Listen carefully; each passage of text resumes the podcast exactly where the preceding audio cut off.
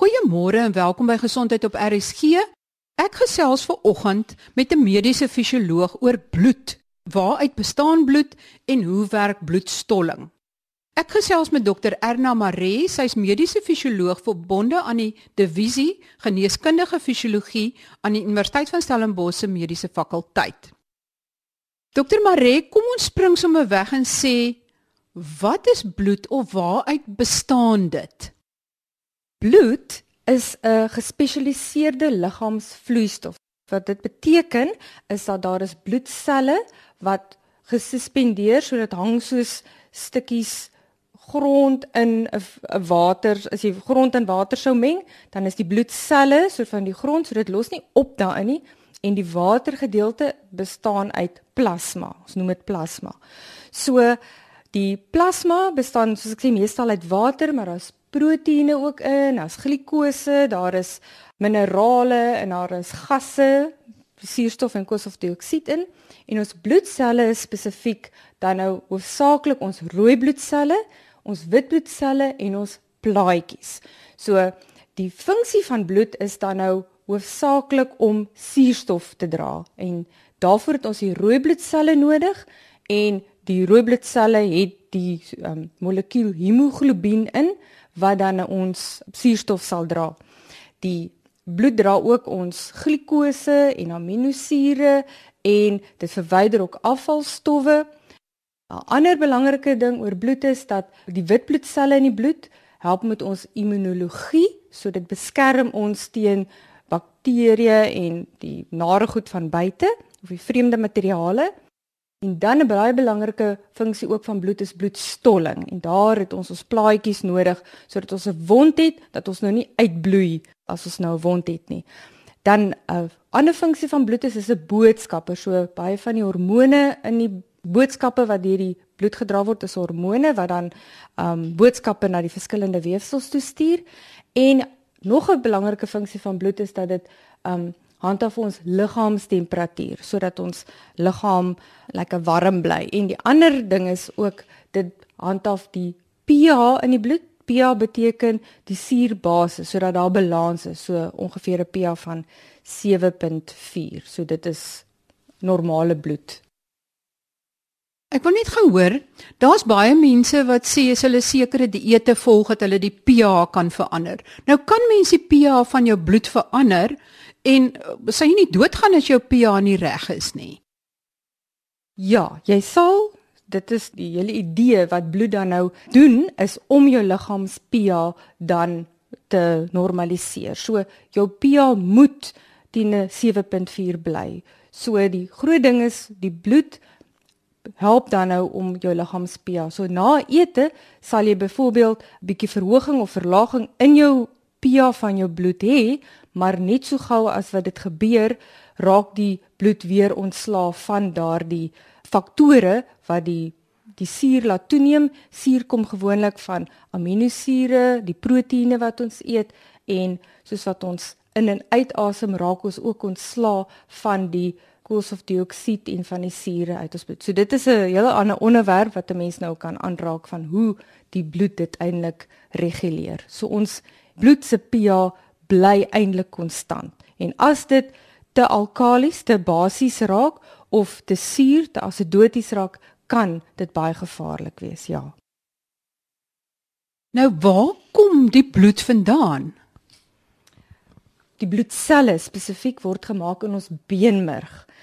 As ons 'n klein kind is vir onder 5 jaar, dan gebruik die liggaam al die beenmerg om bloedselle te maak. Maar soos ons ouer word, word sekere areas soos die skelet of die skedel, die rug, die ribbes, die heupbene en die boonste gedeeltes van die femur, die die rooi gedeeltes van die beenmerg word dan gebruik om bloedselle te maak. En die rede hoekom dit rooi is, is as ons kyk na die samestelling van rooi bloedselle, dan is daar hemoglobien in en hemoglobien bestaan uit heem en daai heemgroep is eintlik sy Griekse naam heem kom van die Griekse naam purple so dit is waar die die rooi kleur vandaan kom en dan in hierdie heem is daar yster so ons het yster nodig om rooi bloedselle te maak. Die ander belangrike stowwe wat nodig of boustene vir rooi bloedselle is Vitamiin B12 en folinsuur. So in jou beenmerg het jou rooi bloedselle nog 'n kern en daai kern of die, die DNA help met die selverdeling, help om die die selle te vermeerder. So jy het daai boustene Vitamiin B12 en folinsuur nodig om jou DNA te maak om jou selle te vermeerder. Die oomblik wanneer jou rooi bloedsel dan volwasse is, word hy dan in die sirkulasie kom hy dan uit die beenmerg uit in jou bloedstroom in. En dan verloor hy eintlik sy sy kern. Dan kan hy nie meer verdeel nie. En rooi bloedselle leef so 120 dae.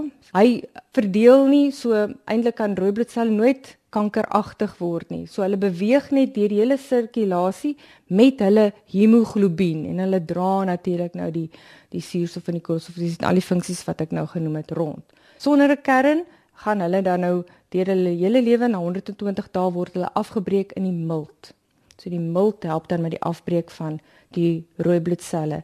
En omdat ek nou gesê die rooi bloedselle bestaan uit yster en hemoglobien. Die die globien is proteïene. Proteïene word weer gebruik as dit afgebreek word.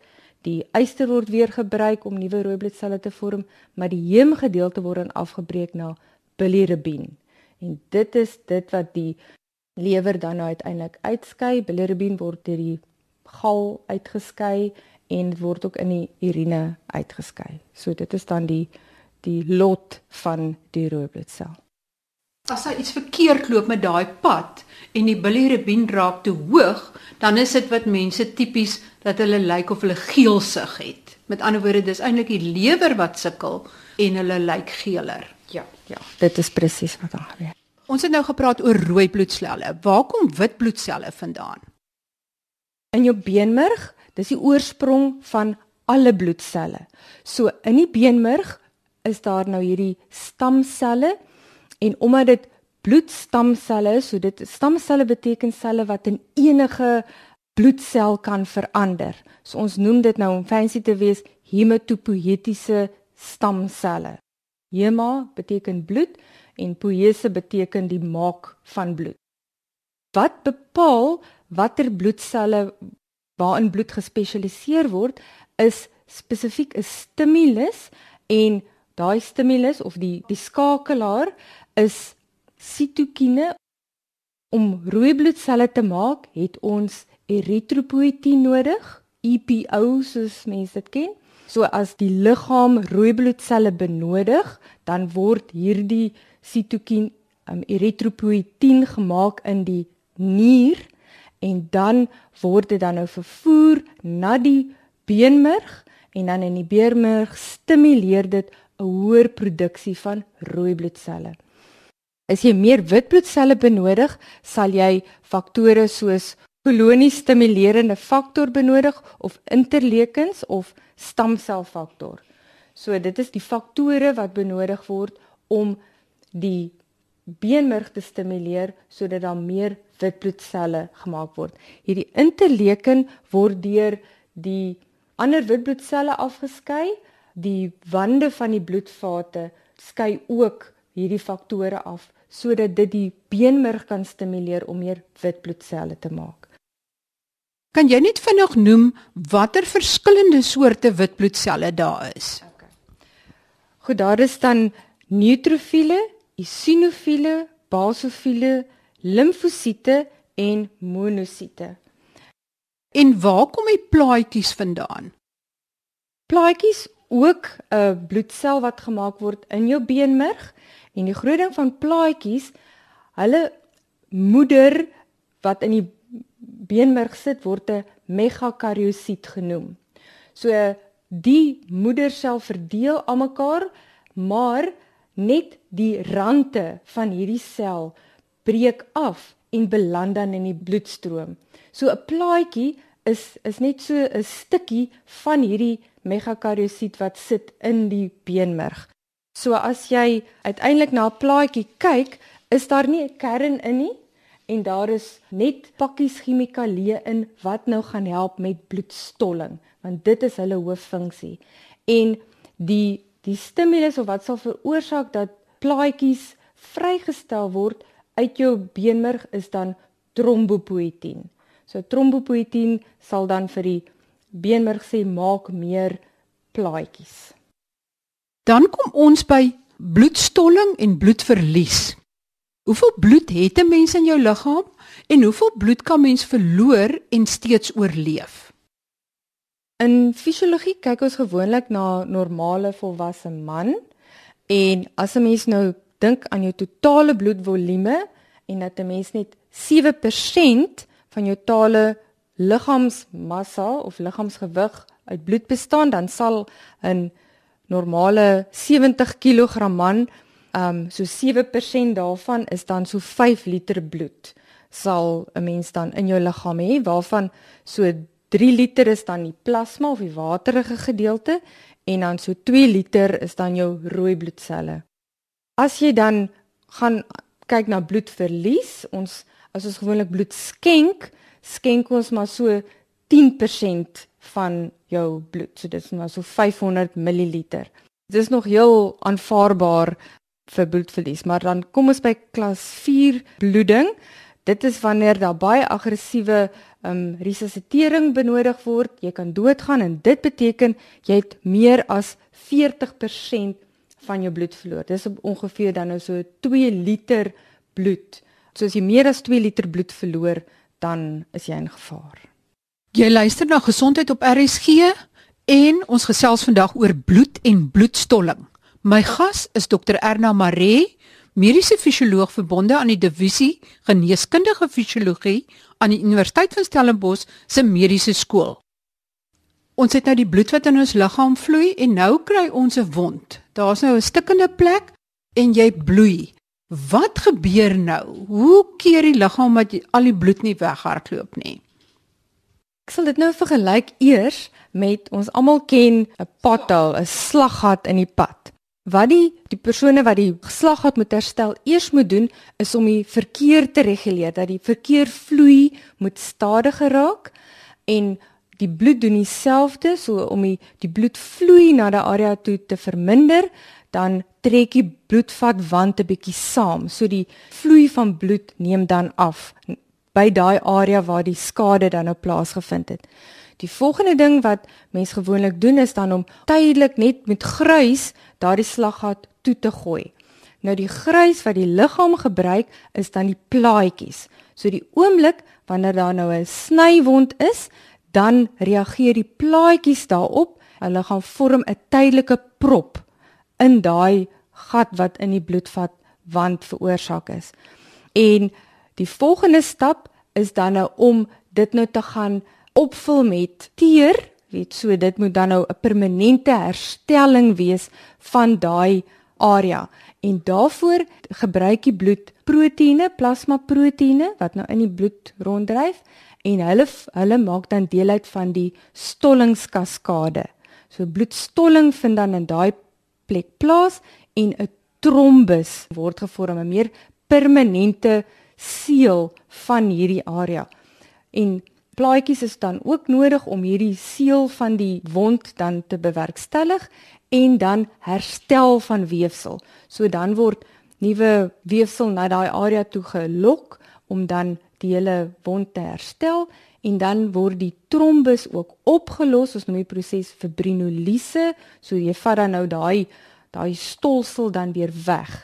Dis dieselfde wanneer nadat hulle nou die pad herstel het, moet die kegels wat dan nou in die pad geplaas is om nou verkeer weg te hou dan nou weggeneem word. So al daai toerusting moet dan nou weggeneem word. So as die trombus daar bly, het jy 'n probleem. So daarom doen die liggaam ook die fibrinolise om die stolsel dan nou weg te vat op daai plek en dan herstel die wond plaatjies pak nou eers saam, dan kom al hierdie stollingsfaktore by en elkeen speel 'n rol om die hele stollingsproses aan die gang te sit. En een van die laaste stappe is dan die fibrin wat bykom en dit maak letterlik soos 'n netwerk van weefsel wat dit oor hierdie wond sit sodat dit eintlik netjies kan toegaan. En dan word die bloed, die stolseldeel word dan weer verwyder, maar die netwerk bly agter is dit reg. Dit vorm aan hierdie netwerk, maar hoekom gewone weefsel dan weer in want jy wil mos nou nie net bloed daai nie. Dit moet mos nou weer normale weefsel. Hoekom dit dan weer daarbey? As 'n mens nou gaan kyk na hoe lyk 'n wand van 'n aar, dan is daar gladde spiere wat nou die aar laat saamtrek en ontspan. So wat is die weefsel wat dan nou in daai area weer herstel moet word dan dan moet daar nou weer gladde spiere, die normale weefsel moet dan getrek word na daai area toe. So die normale weefsel word dan getrek na daai area deur groeifaktore soos die plaatjies skei hierdie um, faktor af. Dis 'n plaatjie groeifaktor en dit help dan om fibroblaste en gladde spiere na die area toe te trek. So die fibrien is basies net daar wat deel uitmaak van die trombus om 'n prop te vorm sodat hierdie weefsel herstel nou op die agtergrond kan plaasvind. In die oomblik wanneer die weefsel nou herstel is, dan word hierdie fibrien opgelos. Dis hoekom dit fibrinolise genoem word. Dis die oplos van die fibrien. So die die trombus wat dan nou die die ander naam vir die hierdie fibrien netwerk is, word dan nou weer verwyder. So dit bly nie daar permanent nie nee. Wat is die eerste stimulus as jy nou 'n aardjie stukken sny of dit jy begin te bloei? Wat is daai eerste reaksie wat plaasvind wat vir die selle sê en vir die plaatjies lok om soontoe te kom. Is daar iets wat ontsnap uit die binnekant van die bloedvat uit? So ons kyk gou weer na die struktuur van 'n bloedvat. So jy het nou die binnekant van die bloedvat en dan omringend in die bloedvat die eerste laagie is dan die endoteel. So hierdie endoteel, dis 'n een laagie selle en hierdie laagie skei dan stikstofoksied en prostasikline af. En hoekom dit gebeur is dit keer dan dat die plaatjies normaalweg gaan vassit in jou bloedvate sodat jy dit nou nie sommer net spontaan jou bloed nie spontaan sal stol nie. Maar nou sny jy deur hierdie bloedvat en wat gebeur is onder hierdie endoteel is daar 'n laagie kollageen. So hierdie kollageen is dan nou die stimulus wat dan as die plaatjies in aanraking kom met hierdie kollageen, so die die endoteel is nou stikkend en Onderliggend aan die endoteel is die kollageen en die plaatjies reageer daarop. So hierdie plaatjie gaan heg dan aan die kollageen vas en die brug wat hom vasheg word dan van Willebrand faktor genoem. So mense wat nie die van Willebrand faktor het nie, kan dan nie daai brug vorm tussen die kollageen en die plaatjie nie en dan bly hulle bloei want dit Dit is dan nou die eerste stap wat jy nodig het vir die tydelike plaatjie prop om te vorm. Die ander proses wat ek van gepraat het wat dan nou volg hierop of eintlik half soos 'n gesamentlik met die plaatjie prop gebeur is hierdie plasma proteïene in die bloed wat dan deelneem aan die stollingskaskade of die koagulasie kaskade en die faktor in die bloed wat dan nou ook deur hierdie kollageen geaktiveer word, noem ons faktor 12. So faktor 12 dryf hy rond. Hy is heeltemal gelukkig op sy eie, maar die oomblik as hy vir kollageen sien, dan aktief word hy geaktiveer.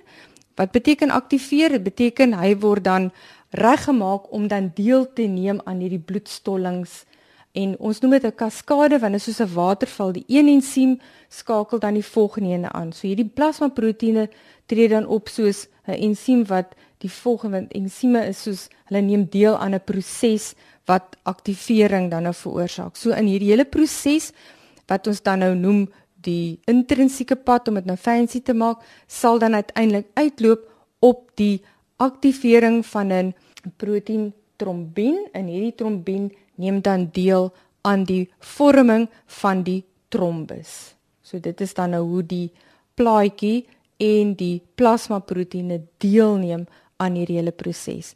Wat ons nie moet vergeet nie, is dat vir bloedstolling het ons ook Vitamien K nodig. So Vitamien K help ook met hierdie maak van hierdie plasmaproteïene plus kalsium is ook nodig want hulle help met die aktiveringsfunksie van al hierdie plasmaproteïene. Vitamiin K is interessant in ons darmkanaal in die dikdarm is daar bakterieë. So daai bakterieë is goeie bakterieë, ons noem dit ook ons interflora en hulle maak Vitamiin K. En dan word daai Vitamiin K geabsorbeer en dan word dit gebruik in die proses van maak van plasmaproteïene wat deelneem aan jou stollingskaskade. So as jy nou tekort aan jou Vitamiin K het, dan sal jy sukkel om jou bloed te laat stol. En mense wat medikasie soos warfarin gebruik, warfarin is 'n anti-Vitamiin K middel, beteken dit verlaag Vitamiin K in jou bloed, so sulke mense se bloed sal nie maklik stol nie. So dit is dit word gebruik om trombusse te voorkom. So as mense se bloed geneig is om maklik te stol, gebruik hulle die medikasie. Ons het nou gekyk na die pad wat gebeur met stolling as daar 'n stikkende plek is. Maar wat van as iemand jou 'n harde hou gee en jy het gekneus? Is dit ook 'n tipe stollingsmeganisme wat daar plaasvind? Ja, ons noem hierdie proses die ekstrinsieke pad. So wat hier gebeur is in jou weefsel, as daar weefselskade is, word daar 'n weefselfaktor vrygelaat en dit word um, weefselfaktor 3 genoem. En hierdie weefselfaktor gaan dan ook in jou bloedvate in en dan aktiveer dit faktor 7. En faktor 7 gaan dan nou weer jou trombus maak en dan in daai area weefselherstel ook bewerkstellig. So dit neem ook deel aan die stollingskaskade, maar ons noem dit 'n pad wat begin buite jou bloedvate. So daarom word dit die ekstrinsieke pad genoem. Dit lyk vir my dat plaatjies deur hierdie hele stollingsprosesse rol speel. Kan jy dalk bietjie meer vertel oor wat die rol van die plaatjies, die bloedplaatjies is in hierdie hele stollingsproses. Die plaatjie is dan nou basies so 'n sakkie sonder 'n kern, maar hy het nou al hierdie chemiese stowwe in. So die oomblik wanneer daar 'n sny in die bloedvatwand is, en die plaatjie sien die kollageen, dan gaan hy geaktiveer word en die plaatjie self raak dan taai Hy maak sulke uitsteeksels, hy lyk soos 'n blaasoppie. Wie dan steek hy sulke stekeltjies uit en dan begin die plaatjies aan mekaar vashak. En hy skei dan ook stowwe af wat dan die ander plaatjies nader trek. So mense kry dan dat jy al hoe meer plaatjies na daai spesifieke area waar die bloedvatwand beskadig is dan nou getrek word. En soos ek gesê het, die bloedvloei moet nou ook verminder, so hulle skei ook stowwe af wat dan die die bloedvatwand laat saamtrek of 'n spasma veroorsaak sodat die verkeer ook minder is. By die koagulasie kaskade skei hulle ook stowwe af wat dan nou hierdie plasmaproteïene ook help om bymekaar te kom en dan hierdie kaskade van stolling te veroorsaak. En dan tydens weefselherstel soos ek reeds genoem het, um, skei hulle ook 'n groeifaktor af wat dan weefselherstel bewerkstellig. So hulle is integraal deel van hierdie hele bloedstollingsproses. Dit is die einde van ons program. My gas was Dr Erna Maree, mediese fisioloog verbonde aan die Universiteit van Stellenbosch se Mediese Fakulteit se divisie geneeskundige fisiologie. Ek hoop hierdie inligting het lig gewerp vir julle oor hoe werk bloed en bloedstolling Daar's nog enkele aspekte oor bloedstolling wat ons op 'n latere stadium sal bespreek. Ek is volgende week weer terug met gesondheidsake. Groete van my, Marie Hudson. Tot dan. Totsiens.